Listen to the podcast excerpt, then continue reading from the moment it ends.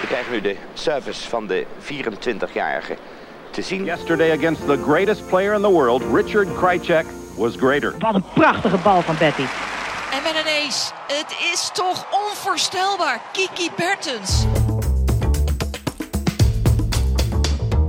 Hallo en welkom op de tribune van de jubileumpodcast van de KNLTB. Gepresenteerd door Marcella Mesker en mijn naam is Jan-Willem de Lange. We staan stil bij het 125-jarig bestaan van de KNLTB. De komende maanden staan bol van de activiteiten en mooie verhalen. Wij wijden daar graag een nieuwe serie afleveringen aan en dit is de eerste. Het startsein van het jubileumjaar is al gegeven met het hijsen van de vlag op het NTC en uiteraard ook onlangs bij de Davis Cup in Groningen. Ja, en je weet het, hè, we hebben net een prachtig Davis Cup weekend achter de rug. Met een paar dagen vol spanning, sfeer en een feestje voor de liefhebber. Hoe toepasselijk voor deze jubileumaflevering. Want in deze serie podcasts die we gaan maken, duiken we ook in de volle breedte van de Nederlandse tennissport. We blikken terug op het verleden, we staan stil bij het heden, maar kijken vooral toch vooruit naar de toekomst.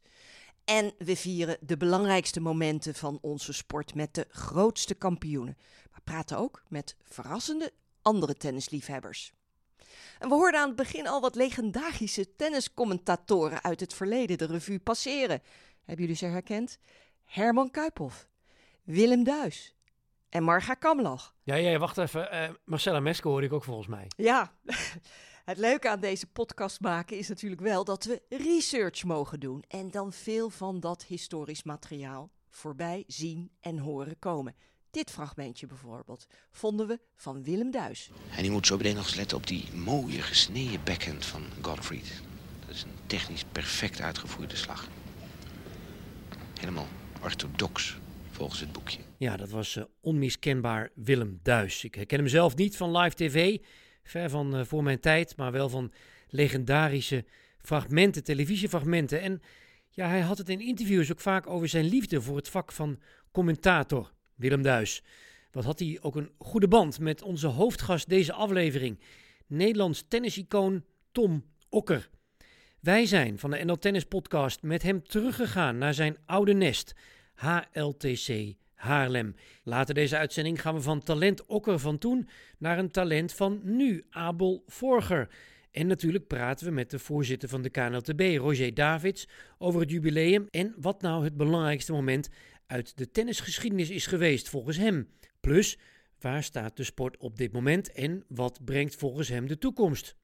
Als klapper op de vuurpijl een kort gesprekje met Tim van Rijthoven.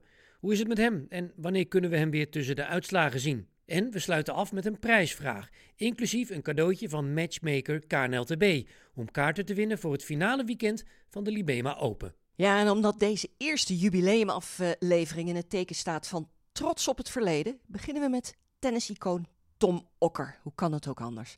We zijn te gast dus bij de oudste nog bestaande club van Nederland, HLTC te Haarlem, opgericht 9 mei 1885.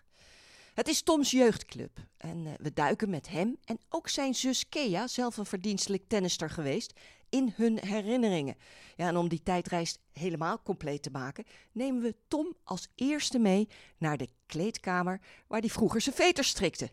En wel op een hele speciale manier de was deed. Wat ik wel had, omdat je op reis was, altijd maar met een beperkt aantal kleding. Uh, ik, ik, had altijd met hetzelfde, ik had ging twee shorts, zes shirts, een, een trui, een slip-over, uh, trainingspak.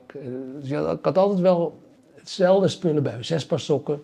Dat allemaal precies geteld. En die, die, die, die broekjes, daar ging je dus na de wedstrijd ging je daarmee douchen. En dan ging je gewoon onder de douche zeepen en schoonmaken. En dat die weer droog werd, dat je de volgende dag schoon, schoon broekje aan had, weet je. Dus dat, dat soort dingen deed je wel. Zie je het uh, voor je, Tom in zijn witte tennisshort onder de douche met een stukje zeep om het gravel eruit te wassen. Kostelijk. Ja, het is heerlijk om hem zo te horen vertellen in KNLTB trainingspak. Dikke trui had hij eronder, want het was koud. Er lag buiten zelfs op de baan sneeuw. En dan in zo'n ouderwetse koude kleedkamer waar hij vroeger gewoon ingezeten heeft. Ja, Tom is 79 jaar, maar 79 of niet, hij deed met alles mee wat we hem ook maar vroegen. En hij genoot er stiekem zelfs een beetje van. En die verhalen van vroeger natuurlijk goud. Ook over het spelen achter het ijzeren gordijn en het weggeven van zijn oude tenniskleding. Nou, heel veel jaren ging je achter het ijzeren gordijn spelen en dan nam je wat oudere spullen mee die je kon ruilen voor caviar of zo, of voor uh, wat andere dingen. En dat uh, maakte die mensen blij en dan kreeg je ook wat, nog iets lekkers om te eten of, of, of kristal, zoals je zei, dan uh, om een souvenir mee naar huis te nemen. Ja, ja. Dat soort dingen werd ook wel gedaan, ja. Ja, tenniskleding ruilen voor caviar of kristal. Wat een fascinerend kijkje achter de tennisschermen van de jaren 60, 70. En van de kleedkamer gaan we naar het clubhuis van HLTC waar Tom gaat zitten tegen de muur waar foto's hangen van hem samen met Björn Borg op Wimbledon. Uiteraard groot moment voor tennis, in Nederland was dat. Want de tennissport was in opkomst, mede dankzij Tom, voor een heel belangrijk stuk dankzij Tom. En die weet nog goed hoe de tennissport erbij stond toen hij zelf nog junior was. Tennis ja, stond een beetje eh, in, in de kinderschoenen en uh, er werd inderdaad niet zo uitgebreid getennis. Daarna is het zeg maar na zestiger jaren en ook nadat ik succes had gehaald en veel tennis in de, uh, in de kranten en, en, en in de publiciteit kwam, is de, is de tennisbond flink gegroeid. Ik denk. Uh, Mede dankzij jouw populariteit. Ook eind, eind 60, begin 70. Toen is het uh, explosief gegroeid, denk ik. Jij speelde hier, je zus speelde hier. Je ouders kwamen natuurlijk veel kijken en jullie aanmoedigen. Ehm, hoe zou je het gezin Okker willen omschrijven? Ja, het stond stond toch wel uh, in het teken van het tennis. Mijn vader vond het heel leuk. En toen kreeg ik ook training erbij van, het, van het district en van, uh, later van de tennisbond. En uh, ja, mijn vader heeft me altijd overal heen gebracht en die was enthousiast. En hij was ook af en toe wel streng als ik me een beetje misdroeg op de baan. Weet oh, ja? je, als ik kwaad werd of dinges. Oh, vertel. Ik denk dat ik, dat ik wel eens van de baan, gewoon dat hij me van de baan gehaald had als ik me een beetje misdroeg. Dat gebeurt niet zo vaak hoor, maar uh, het is, is wel gebeurd. Wat was misdragen in dat geval? Nou, ik weet het niet. Misschien met mijn racket gooien of, of, of een beetje schelden. Maar in ieder geval me niet gedroeg zoals hij dat zou willen. Kun je wat vertellen over uh, het materiaal wat je in die tijd uh, gebruikte? Ik zei al, houten rackets. Uh, je hebt je eigen racket met zelfs een fotootje van jezelf op het racket. Je hebt het ook nog meegenomen. Hoeveel rackets versleet je wel niet op een jaar? Ja, er bestond niks anders dan houten rackets. Je had een aantal goede merken zoals Dunlop en Schlesinger en Wilson in Amerika. dat waren de, de, de, belangrijkste merken. Ik speelde met Dunlop. ik had... De houten rackets uh, die werden voor mij gemaakt later, in het begin ook niet, uh, in Engeland. Ik vond een, ze waren wat, wat lichter in, in, in het hoofd, die werden wat dunner.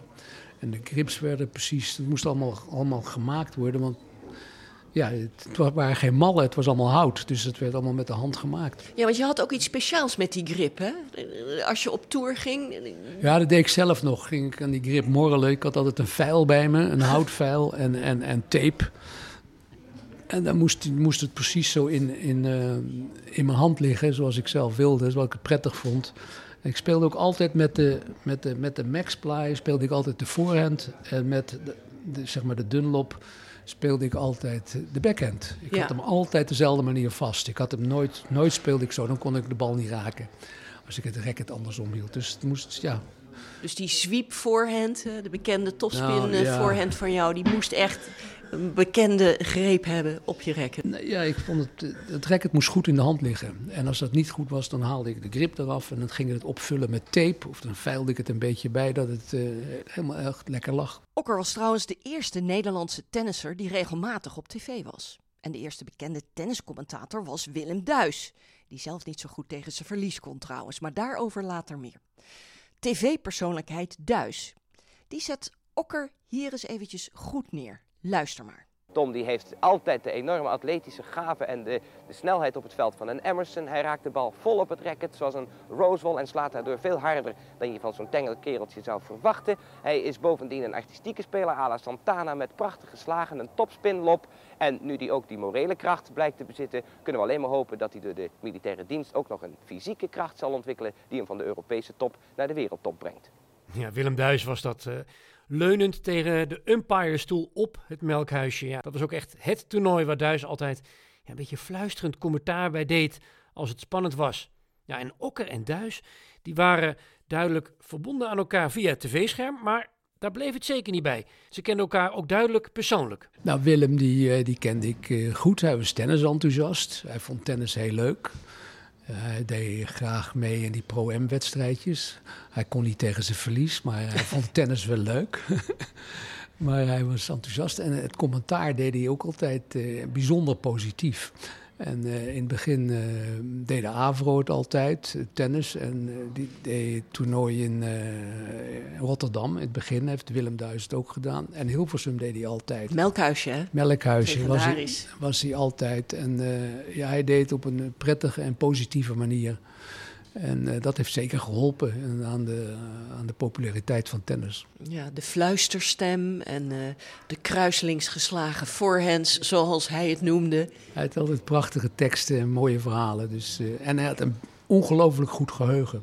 Hij wist, hij wist meer wedstrijden die ik gespeeld heb dan, dan ik mezelf kon herinneren. ja. Dus uh, dat was ook altijd wel leuk. Ja. Hij heeft mij ooit eens uh, verteld dat hij ook nog een jeugdkampioen tennis is geweest van Nederland. Of het waar is, weet ik niet. Ik weet het niet. Ik heb het nooit kunnen ontdekken aan zijn slagen. Terugkijkend op je eigen ja. tennisleven. Ben je tevreden? Ja, ik heb uh, een fantastische tijd gehad. En ja, tennis heeft me veel gegeven en veel plezier. Je doet iets wat je, wat je passie is. Eh, je doet iets wat je goed kan. En je doet iets waar, eh, waar je geld mee kunt verdienen ook. En ik was net op het randje met open tennis dat ik er iets van heb mee kunnen maken. En dan schuift dus zus Kea gezellig aan in het clubhuis. Want zij was erbij vanaf het eerste uur dat haar broertje aan het tennissen sloeg. Hoe typeert zij, de jonge Tom? Het was, hij zat met de pesten en dan... Eh, hij was wel redelijk bescheiden. Ik weet wel toen we begonnen... Uh, ik was al wat langer lid en ik was dus ook al wat ouder. Ik speelde toen in het eerste en hij begon hier toen in het tweede te spelen.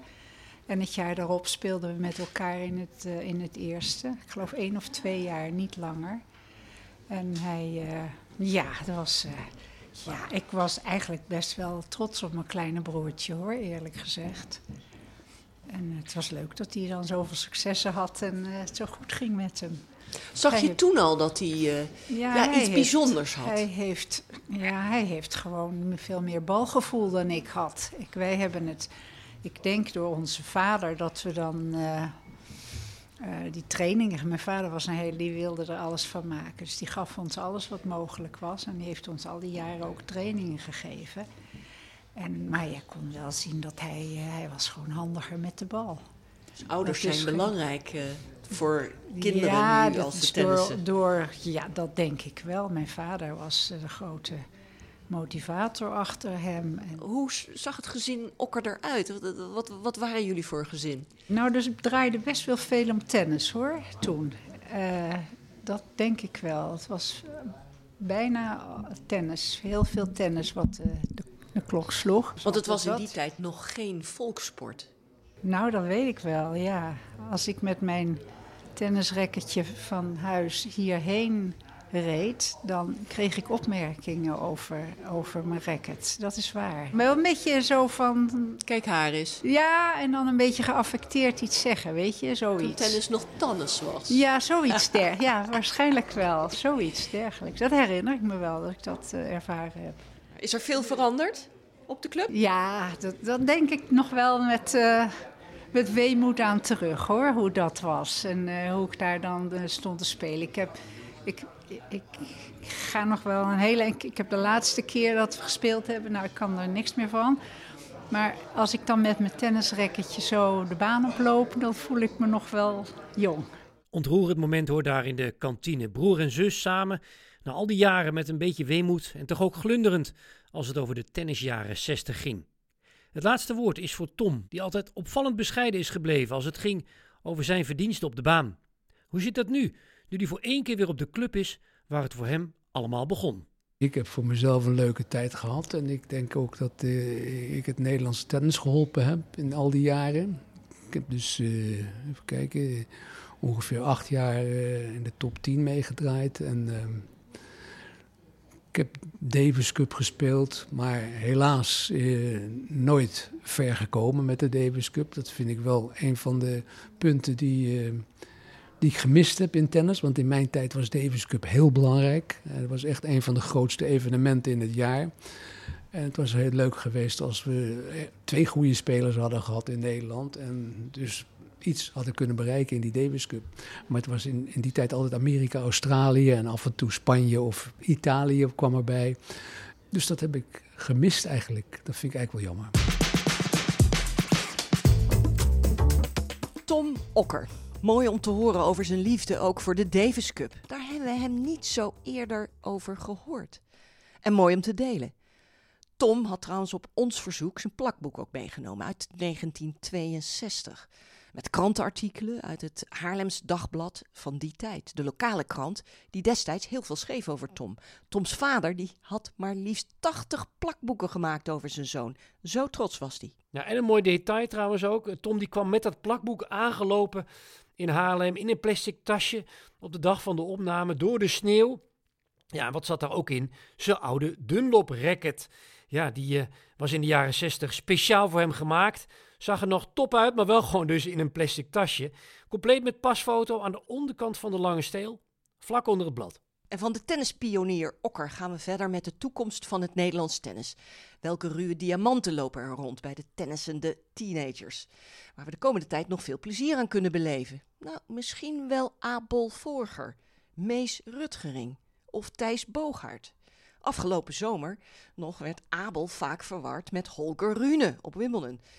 Beetje zelfde haardracht, zelfde kaaklijn. Maar hij komt wel degelijk uit Nederland hoor. Inmiddels is hij 18 jaar, bezig aan zijn allereerste stappen als tennisprof. Laten we gaan luisteren wat voor vlees we met hem in de kuip hebben. Hier komt hij, Abel Vorger, in gesprek met Jan Willem. Wie is jouw tennisidool? Mijn tennisidool is Karen Katjanov.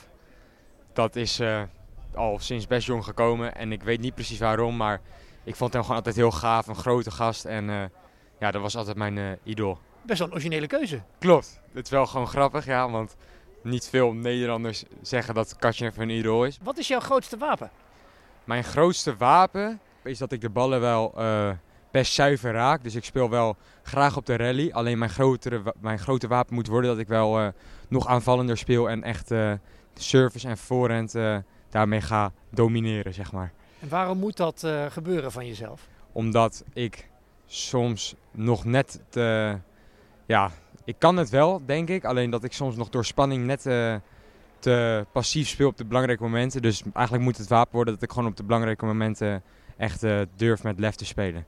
Maar goed, dat vinden eigenlijk de meest doorgewinterde profs soms ook nog wel eens lastig, hè? Ja, het is soms lastig met spanning. Sommigen hebben dan dat ze te gehaast gaan spelen, maar ik ben dan soms wel een beetje bang om fouten te maken. Maar dat, uh, gaat, daar ben ik wel hard aan het, op aan het werken en dat gaat wel iets beter. Wat is je ultieme tennisdroom? Mijn ultieme tennisdroom is om toernooien als uh, Wimbledon gewoon uh, te spelen. Dat ik daar een vaste, ja, een vaste speler ben op de tour. En dat ik gewoon, uh, ja, want ik vind tennis het leukste wat er is. Dat ik daar gewoon, dat dat mijn leven is en mijn werk is. Ik heb me ook laten vertellen, je bent echt bezeten van het spelletje. Ja, ik, vind, ik hou echt van tennis, zeg maar. En soms is dat, dat is wel goed. Alleen soms omdat ik zo graag het goed wil doen, dat het ook tegen kan werken. Maar ja, ik vind tennis wel echt het leukste wat er is. Droom je van tennis? Ja, ik droom wel van tennis, ja. Ik, ben soms iets te veel met tennis bezig. Dus daardoor maak ik mezelf soms een beetje gek als ik verlies. Maar ik ben wel veel met tennis bezig, ja. En ik droom ook wel over wedstrijden. En... Kun je dan vertellen hoe zo'n droom er verder uitziet? Zo'n droom ziet eruit dat ik uh, een uh, wedstrijd op centercourt speel. En dat ik win en dat uh, ja, iedereen fan van mij wordt. En dat ik gewoon met de mensen die nu mij steunen en ja, gewoon effort in mij steken. Dat ik ja, hun trots kan maken en dat ik uh, het goed kan doen voor hun. Van de tennisdromen van een jonge Abel en de weg die hij nog heeft te gaan naar wie weet ooit de top 100 gaan we door naar iemand die zijn sporen al verdiend heeft binnen de tennissport. Niet zozeer door zijn tennistitels, al kan hij best wel aardig spelen, maar we hebben het vooral over zijn werk als bestuurder. Roger Davids is voorzitter van de KNLTB en tegenwoordig ook bestuurslid van de ITF. Roger, je bent, uh, je had misschien niet verwacht, maar je bent hotshot van de week in deze podcast. Niemand minder dan, uh, dan Roger Davids. Ja, dan heb je het over uh, Roger, dan heb je het vaak over Federer, maar nu dus over jou. Um, om te beginnen, hoe vind je het überhaupt om een hotshot te zijn? Nou ja, het voelt toch heel anders. Hè? Ik dacht eerder aan een dropshot, maar... Nee, ja, uh, ik zit wel lekker in mijn vel en uh, er gebeurt van alles. Dus ik, uh, ik heb wel het gevoel dat ik lekker als een vis in het water rond, in het bestuurlijke water rond zwem. En als je in het tenniswater zit, wat is dan jouw beste slag? Hoe zou je jouw eigen spel willen omschrijven? Ja, ik heb vanochtend een prachtig interview gelezen van Diede. En die verwijt zich, ver, ja, die vergelijkt zich met uh, Roger, met Roger. Dieder de Groot, hè? Dieder de Groot, onze topper in rolstoeltennis. En die vergelijkt zich met Roger. Ja, dat is niet met mij, dat mag duidelijk zijn, maar weer met uh, Roger Federer. Ja, ik, ik heb een beetje hetzelfde. Want toen vroegen ze ook van, joh, Dieder, waar, waar, hoezo dat vergelijken? En toen zei ze, ja, ik ben vrij allround. En ze is natuurlijk heel atletisch. Nou, niet dat ik nou de ja, ik denk ook wel dat ik vrij atletisch speel, nog steeds op mijn leeftijd. Dus nu dan eens een klein spierverrekking tegenwoordig. En uh, een beetje initiatief nemen, vind ik ook wel fijn. Niet te afwachtend. Dus je kunt je ook voorstellen dat ik ook wel een fan ben en het nieuwe boek van uh, Federer ook alweer uitgelezen heb. Want ja, er zit hier wel een fan van mijn uh, naamgenoot. En ook frivol? Ben je ook frivol? daar ben ik wel minder, ja. Waarschijnlijk is daar ook ergens mijn niveau gestopt. ik heb het wel fanatiek gespeeld, maar ergens ja, merk je dan van, nou, nu, uh, nu, nu stopt het hier ergens. Dus ik ben wel wat minder uh, frivol in mijn tennis. Ja, dat is wel een goede. Ja. Maar jij hebt mij natuurlijk wel zien spelen, denk ik. Hè? Dus, uh, Daar ga je ja, al, ik had voorkennis. Ja, ja, ja, ja, We zitten hier natuurlijk voor, om, om over het jubileum, het mooie jubileum van de KNLTB uh, te praten. En, en de vraag moet ik dan, moeten we aan jou stellen? Hele belangrijke. Wat betekent het voor de KNLTB dat dit jubileum er is, 125 jaar? Ja, ik denk uh, dat het betekent dat we heel trots mogen zijn. Dat we dat kunnen vieren met uh, onze vereniging, onze leden. Uh, dat we ja, gewoon heel trots mogen zijn dat we eigenlijk heel fief zijn op 125-jarige leeftijd. ik denk dat we in een aantal ontwikkelingen best vooruitlopen. Niet te ver voor de muziek. dat we aan het vernieuwen zijn. Voordat wij overgaan naar, wat, naar wat snelle vragen, toch nog even eentje, eentje over wat je net zei.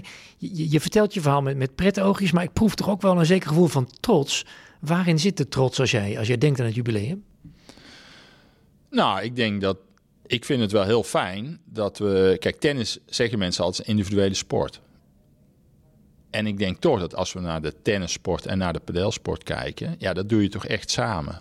We organiseren het samen. We spelen natuurlijk ook samen dubbels. Iets wat ik zelf ook heel erg leuk vind. En wat mij wel, ja, wat mij wel echt veel energie geeft, is dat we in dat bredere speelveld waar we ons nu in begeven. Dus dat we naast de vereniging en de leden ook kijken naar iedereen die geen lid is en hoe we die aan wedstrijdjes kunnen krijgen. Dat het steeds beter lukt om dat hele brede speelveld uh, met elkaar ja, eigenlijk aan de slag te laten gaan. Hè? Want eh, een vereniging, de vrijwilligers hebben de leraar nodig. Uh, op een gegeven moment hebben ze de, de, ja, in feite de, de gemeente nodig hè, om weer iets op een park te veranderen.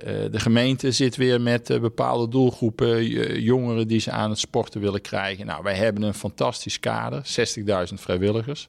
Dat is vergeleken met andere sportbonden hebben we dat echt heel sterk voor elkaar. En dat daar dan weer een groep zich wil inzetten voor maatschappelijke projecten. Nou, daar ben ik wel heel trots op. En er zijn genoeg uitdagingen overigens. En genoeg dingen die je altijd nog wil verbeteren. Maar ik denk dat dat iets is als verbinder. En dat zit ook wel, ja, uh, toeval bestaat niet, maar dat zit ook heel erg in mij.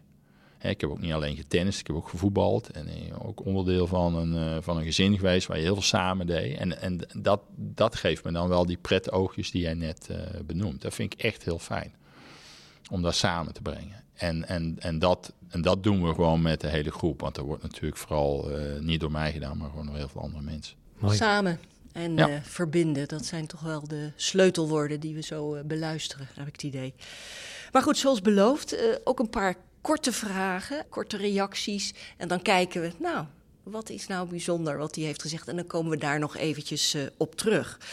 Ehm, maar laten we beginnen eigenlijk. Deze aflevering staat in teken ook van de historie, van de pioniers van het eh, vaderlandse tennis. Eh, de betekenis van Tom Okker en Betty Steuven voor de ontwikkeling van de tennissport in Nederland. Jeetje, dat, dat was voor mij het begin, hè? Kunnen mensen al meteen een beetje eh, nadenken hoe oud ik was. Maar ik denk echt 50 jaar geleden, in die hele popularisering van tennis, daar waren natuurlijk twee iconen. Er waren nog wel meer iconen, maar voor ons waren dat natuurlijk bij uitstek eh, Betty Steuven en Tom Okker. Dat wa- 70er jaren. 70 jaren. Eh, Ik heb dat eigenlijk vanaf 77. Finale van Betty, Wimbledon. Dat zijn eigenlijk de eerste momenten die... Ik krijg nu een beetje kipvel. Eh, ja, wat ik dan gewoon terugzie. En dat, dat is natuurlijk een enorme stimulans geweest. eh, want toen zaten we in een periode dat iedereen ging tennissen. Dus ook de familie Davids. Het werd een volkssport. Het werd een volkssport. Dat is denk ik wel een, een heel belangrijk moment geweest. Dat we met honderdduizenden mensen eh, gingen tennissen. Zo heb je altijd een paar kantelpunten. Want vergeet niet dat dan, dat is voor mij wat dichterbij, dat is mijn generatie, dat Richard Krajicek later, natuurlijk weer 25 jaar geleden, ja, Wimbledon wint. En dat we toen een gouden generatie hadden aan spelers.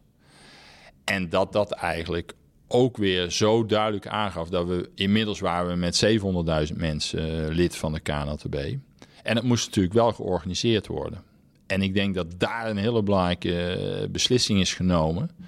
eh, dat we dat zijn gaan digitaliseren. En ik denk als we kijken naar, naar de vereniging, is natuurlijk een kantelpunt dat we met eh padel zijn begonnen. En dat is natuurlijk straks voor 600 verenigingen een kans om eh, twee sporten aan te bieden aan hun leden. Ik hoor je in deze eh, vragen eigenlijk nog niet over ja, toch de vergrijzing in de maatschappij en de jonge generatie, eh, voor wie het ook wel moeilijk is om ze naar de tennisbaan te krijgen, gezien alle andere sporten die er zijn, alle andere hobby's, eh, minder concentratie, computerspellen.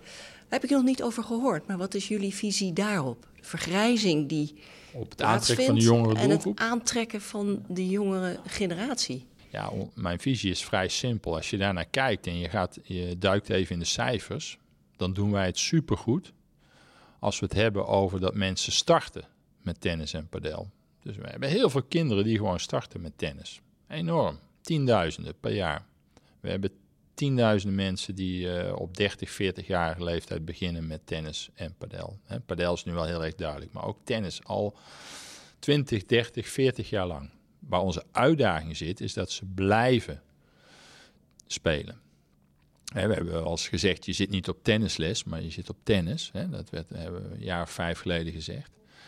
Daar zit de uitdaging. Dus als we kijken naar het Tennis Kids Stof programma, wat een programma is wat heel vernieuwend werkt, wat kinderen stapje voor stapje in een soort van, van, van eh, wat je ook met gamen hebt, dat je level voor level telkens elke keer jezelf maar weer verbetert, maar dat we in die stapjes kinderen ook eh, leren wanneer ze wedstrijdjes kunnen gaan spelen, misschien wel toernooi, misschien wel competitie, dat dat heel naturel wordt. Eh, dat is eigenlijk mijn tweede droom. Ja, zo krijgen we het nog wel. Ja, daar zit volgens mij wel echt de uitdaging. Dus ik denk niet, Marcella, dat dat op dit moment heel erg een probleem is van instroom. Maar meer van dat mensen stoppen. Dat was de bevlogen Roger Davids. Over het werk dat al gedaan is en dat nog te doen is. Door naar de laatste gast op ons bankje in deze uitzending. Iemand van wie we al een tijdje niets gehoord hebben, maar die toch heel populair blijft. Tim van Rijthoven. Hoog tijd om eens bij te praten ja, met die verrassende winnaar van de Libema Open. Alweer twee jaar geleden. Daarna nog die mooie vierde ronde op Wimbledon. En toen, ja, toen krijgt hij last van zijn elleboog. Geen tenniselbow, maar de zogenaamde golferselbow. Een probleem aan de binnenkant van zijn elleboog. Voor een update zocht Jan Willem hem op in Amstelveen op het Nationale Tenniscentrum. Tim, om te beginnen, hoe is het met jou en met je elleboog? Ja, met mij eigenlijk hartstikke goed. Ehm, ik ben eh, al een aantal maanden bezig fysiek super fit te, fit te worden. Dat eh, is ook gelukt. Ik ben hartstikke fit. Je ziet er fit uit. Ja, dat, eh, zo voel ik me dus ook. En ehm, ja, met de elleboog eh, het gaat de goede kant op. Ik kan vanuit achteruit uh, kan ik eigenlijk alles doen. Ik kan leren, ik kan uh, voorhands, backhands, uh, eigenlijk van achteruit alle, alle puntvormen kan spelen. Um, het enige wat me nog tegenhoudt is echt op 100% serveren. Dat is gewoon iets wat, wat nog wat tijd gaat kosten. Maar um, ja, waar ik wel goed vertrouwen in heb dat dat ook goed gaat komen. Ja, ik, ik begrijp eruit. Je bent weer aan tennissen. Je voelt je weer tennisser. Of Ja. is dat gevoel nooit weg geweest? Nou, heel even wel hoor. Als je even vier maanden droog staat, dan denk je toch van wauw, oké. eh, nu ben ik opeens een of andere gym rat of zo. En dan Ja. ja. ja, herdenk je toch wel een keertje van eh, je carrière. Van oh, ja, gaat het nog wel goed komen? Eh, natuurlijk die operatie gehad, wat een slagingspercentage had van 85%. Ja. Dat was natuurlijk best hoog.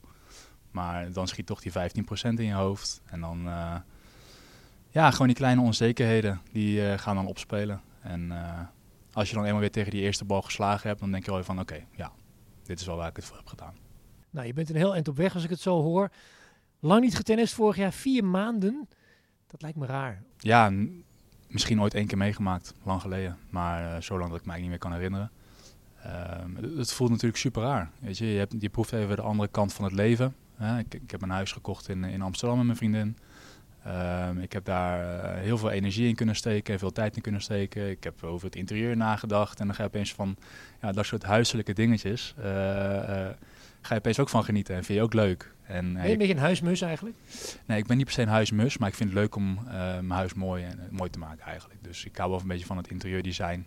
En ehm, ja, eigenlijk toch wel het burgerlijke leventje een beetje geleefd de laatste maanden. En dat beviel wel, maar nu ook alweer fijn dat ik weer ja, eigenlijk doe wat ik, eh, wat ik leuk vind. Als je dan weer begint met tennis, hè, wa- wat is dan in jouw geval een, een, een slag die het eerst komt en een slag die juist weer veel tijd nodig heeft om weer een beetje op peil te raken? nou ja, normaal gezien zit mijn service altijd wel goed. Maar die kan ik dus niet, niet, eh, Die zit nog in de ijskast. peilen. Die zit nog in de ijskast. Nou ja, voorhand zit altijd eh, ook goed op nu. Ehm backhand slice zit er goed op. Alleen de geslagen backhand is toch altijd wel ja, wat lastiger Dat is de voor mij. kers op de taart. Dat is de kers op de taart. Ehm, maak ik me ook nooit zo heel erg druk om dat ik altijd die slice nog achter de hand heb. Maar ehm, ja, het kost altijd wel meer tijd om die eh, weer eh, op niveau te brengen. Je traint weer, nou dat is alvast hoopgevend. Wanneer ga je beginnen? Welk toernooi? Eh, Is daar iets over te zeggen? Ja, we mikken dus op eh, 26 februari, de week van 26 februari, om, om, om weer een toernooi te gaan spelen. Dat zou natuurlijk op een heel laag pitje zijn. Ehm, eh, ergens misschien een 25.000 toernooi in, eh, in Portugal dat we nu aan het kijken zijn. Ehm, ja, dat zal eh, het beginstadium zijn. En de week daarvoor zullen we heel veel oefenpotjes spelen. Kijken of het mijn lichaam het überhaupt aan kan om wedstrijden te spelen. En eh, ja, zodra dat groen licht is, zullen we rond 26 februari dus ja, gaan beginnen. Jeuken je handen al? Ja, ik heb er wel zin in, moet ik zeggen. Ja, het is, thuiszitten is nu al gedaan. Tim van Rijthoven, de interieurontwerper. Nou, dat is nieuw voor mij. Maar goed, binnenkort dus weer eindelijk met een wedstrijdpak aan. Weg van huis en terug op het scorebord. We wensen hem daarbij natuurlijk heel veel succes. Het zal niet makkelijk zijn na een jaar pauze. Door dan naar, ja, belofte maakt schuld, de prijsvraag. Iedere keer in deze serie komt een matchmaker van de KNLTB aan het woord. Tijd om het spits af te bijten. Hij gaat zichzelf voorstellen en gooit direct ook een vraag op. Hier komt hij. Mijn naam is Edwin Giethoren en ik ben senior account manager bij de KNLTB. Daar ben ik verantwoordelijk voor de verenigingen in de regio Oost-Brabant. Met veel plezier werk ik al 23 jaar bij de bond. En als matchmaker probeer ik de KNLTB, verenigingen, maar ook leraren, gemeenten en andere partijen te koppelen om tennis en padel in de regio nog sterker te maken. De prijsvraag voor deze jubileumaflevering luidt als volgt. Er zijn wereldwijd 90 miljoen tennissers. In Nederland is 60% van alle tennissers lid van de Tennisbond, terwijl dit wereldwijd slechts 7% is. Hoeveel leden heeft de KNLTB? Weet u het goede antwoord? Stuur het naar nltennispodcast.gmail.com. En dan denkt u mee naar een speciaal jubileumboek en twee Libema open kaarten voor het finale weekend dit jaar. En daarmee komen we aan het einde van deze podcast, die geheel in het teken stond van het 125-jarig jubileum van de KNLTB. Binnenkort zijn we er weer. Ook dan een special die helemaal draait om het Nederlands tennis. Wilt u trouwens meer weten over het jubileum? Dan kan dat op knltb.nl/slash jubileum. Wat nog rest is de allerlaatste klap van deze uitzending. En wie gaat die uitdelen? Dat gaat hij nu zelf vertellen. Hoi, ik ben Bout van Zandschulp. Ik wil de KNTB feliciteren met een 125-jarig jubileum. Ik wens het Nederlands tennis toe dat ze een hele mooie nieuwe lichtingen krijgen, zowel bij de dames als heren. We hebben natuurlijk bij de dames Kiki lange tijd gehad. Dus dat zou mooi zijn als daar ook nieuwe dames in, in haar voetsporen kan treden. Ja, en ook bij de mannen. Ik denk dat we afgelopen twee jaar uh, met de Davis Cup hebben laten zien wat er allemaal mogelijk is. En ja, het zou mooi zijn als daar, uh, als daar een mooie nieuwe lichting uh, naartoe kan werken en daardoor geïnspireerd raken.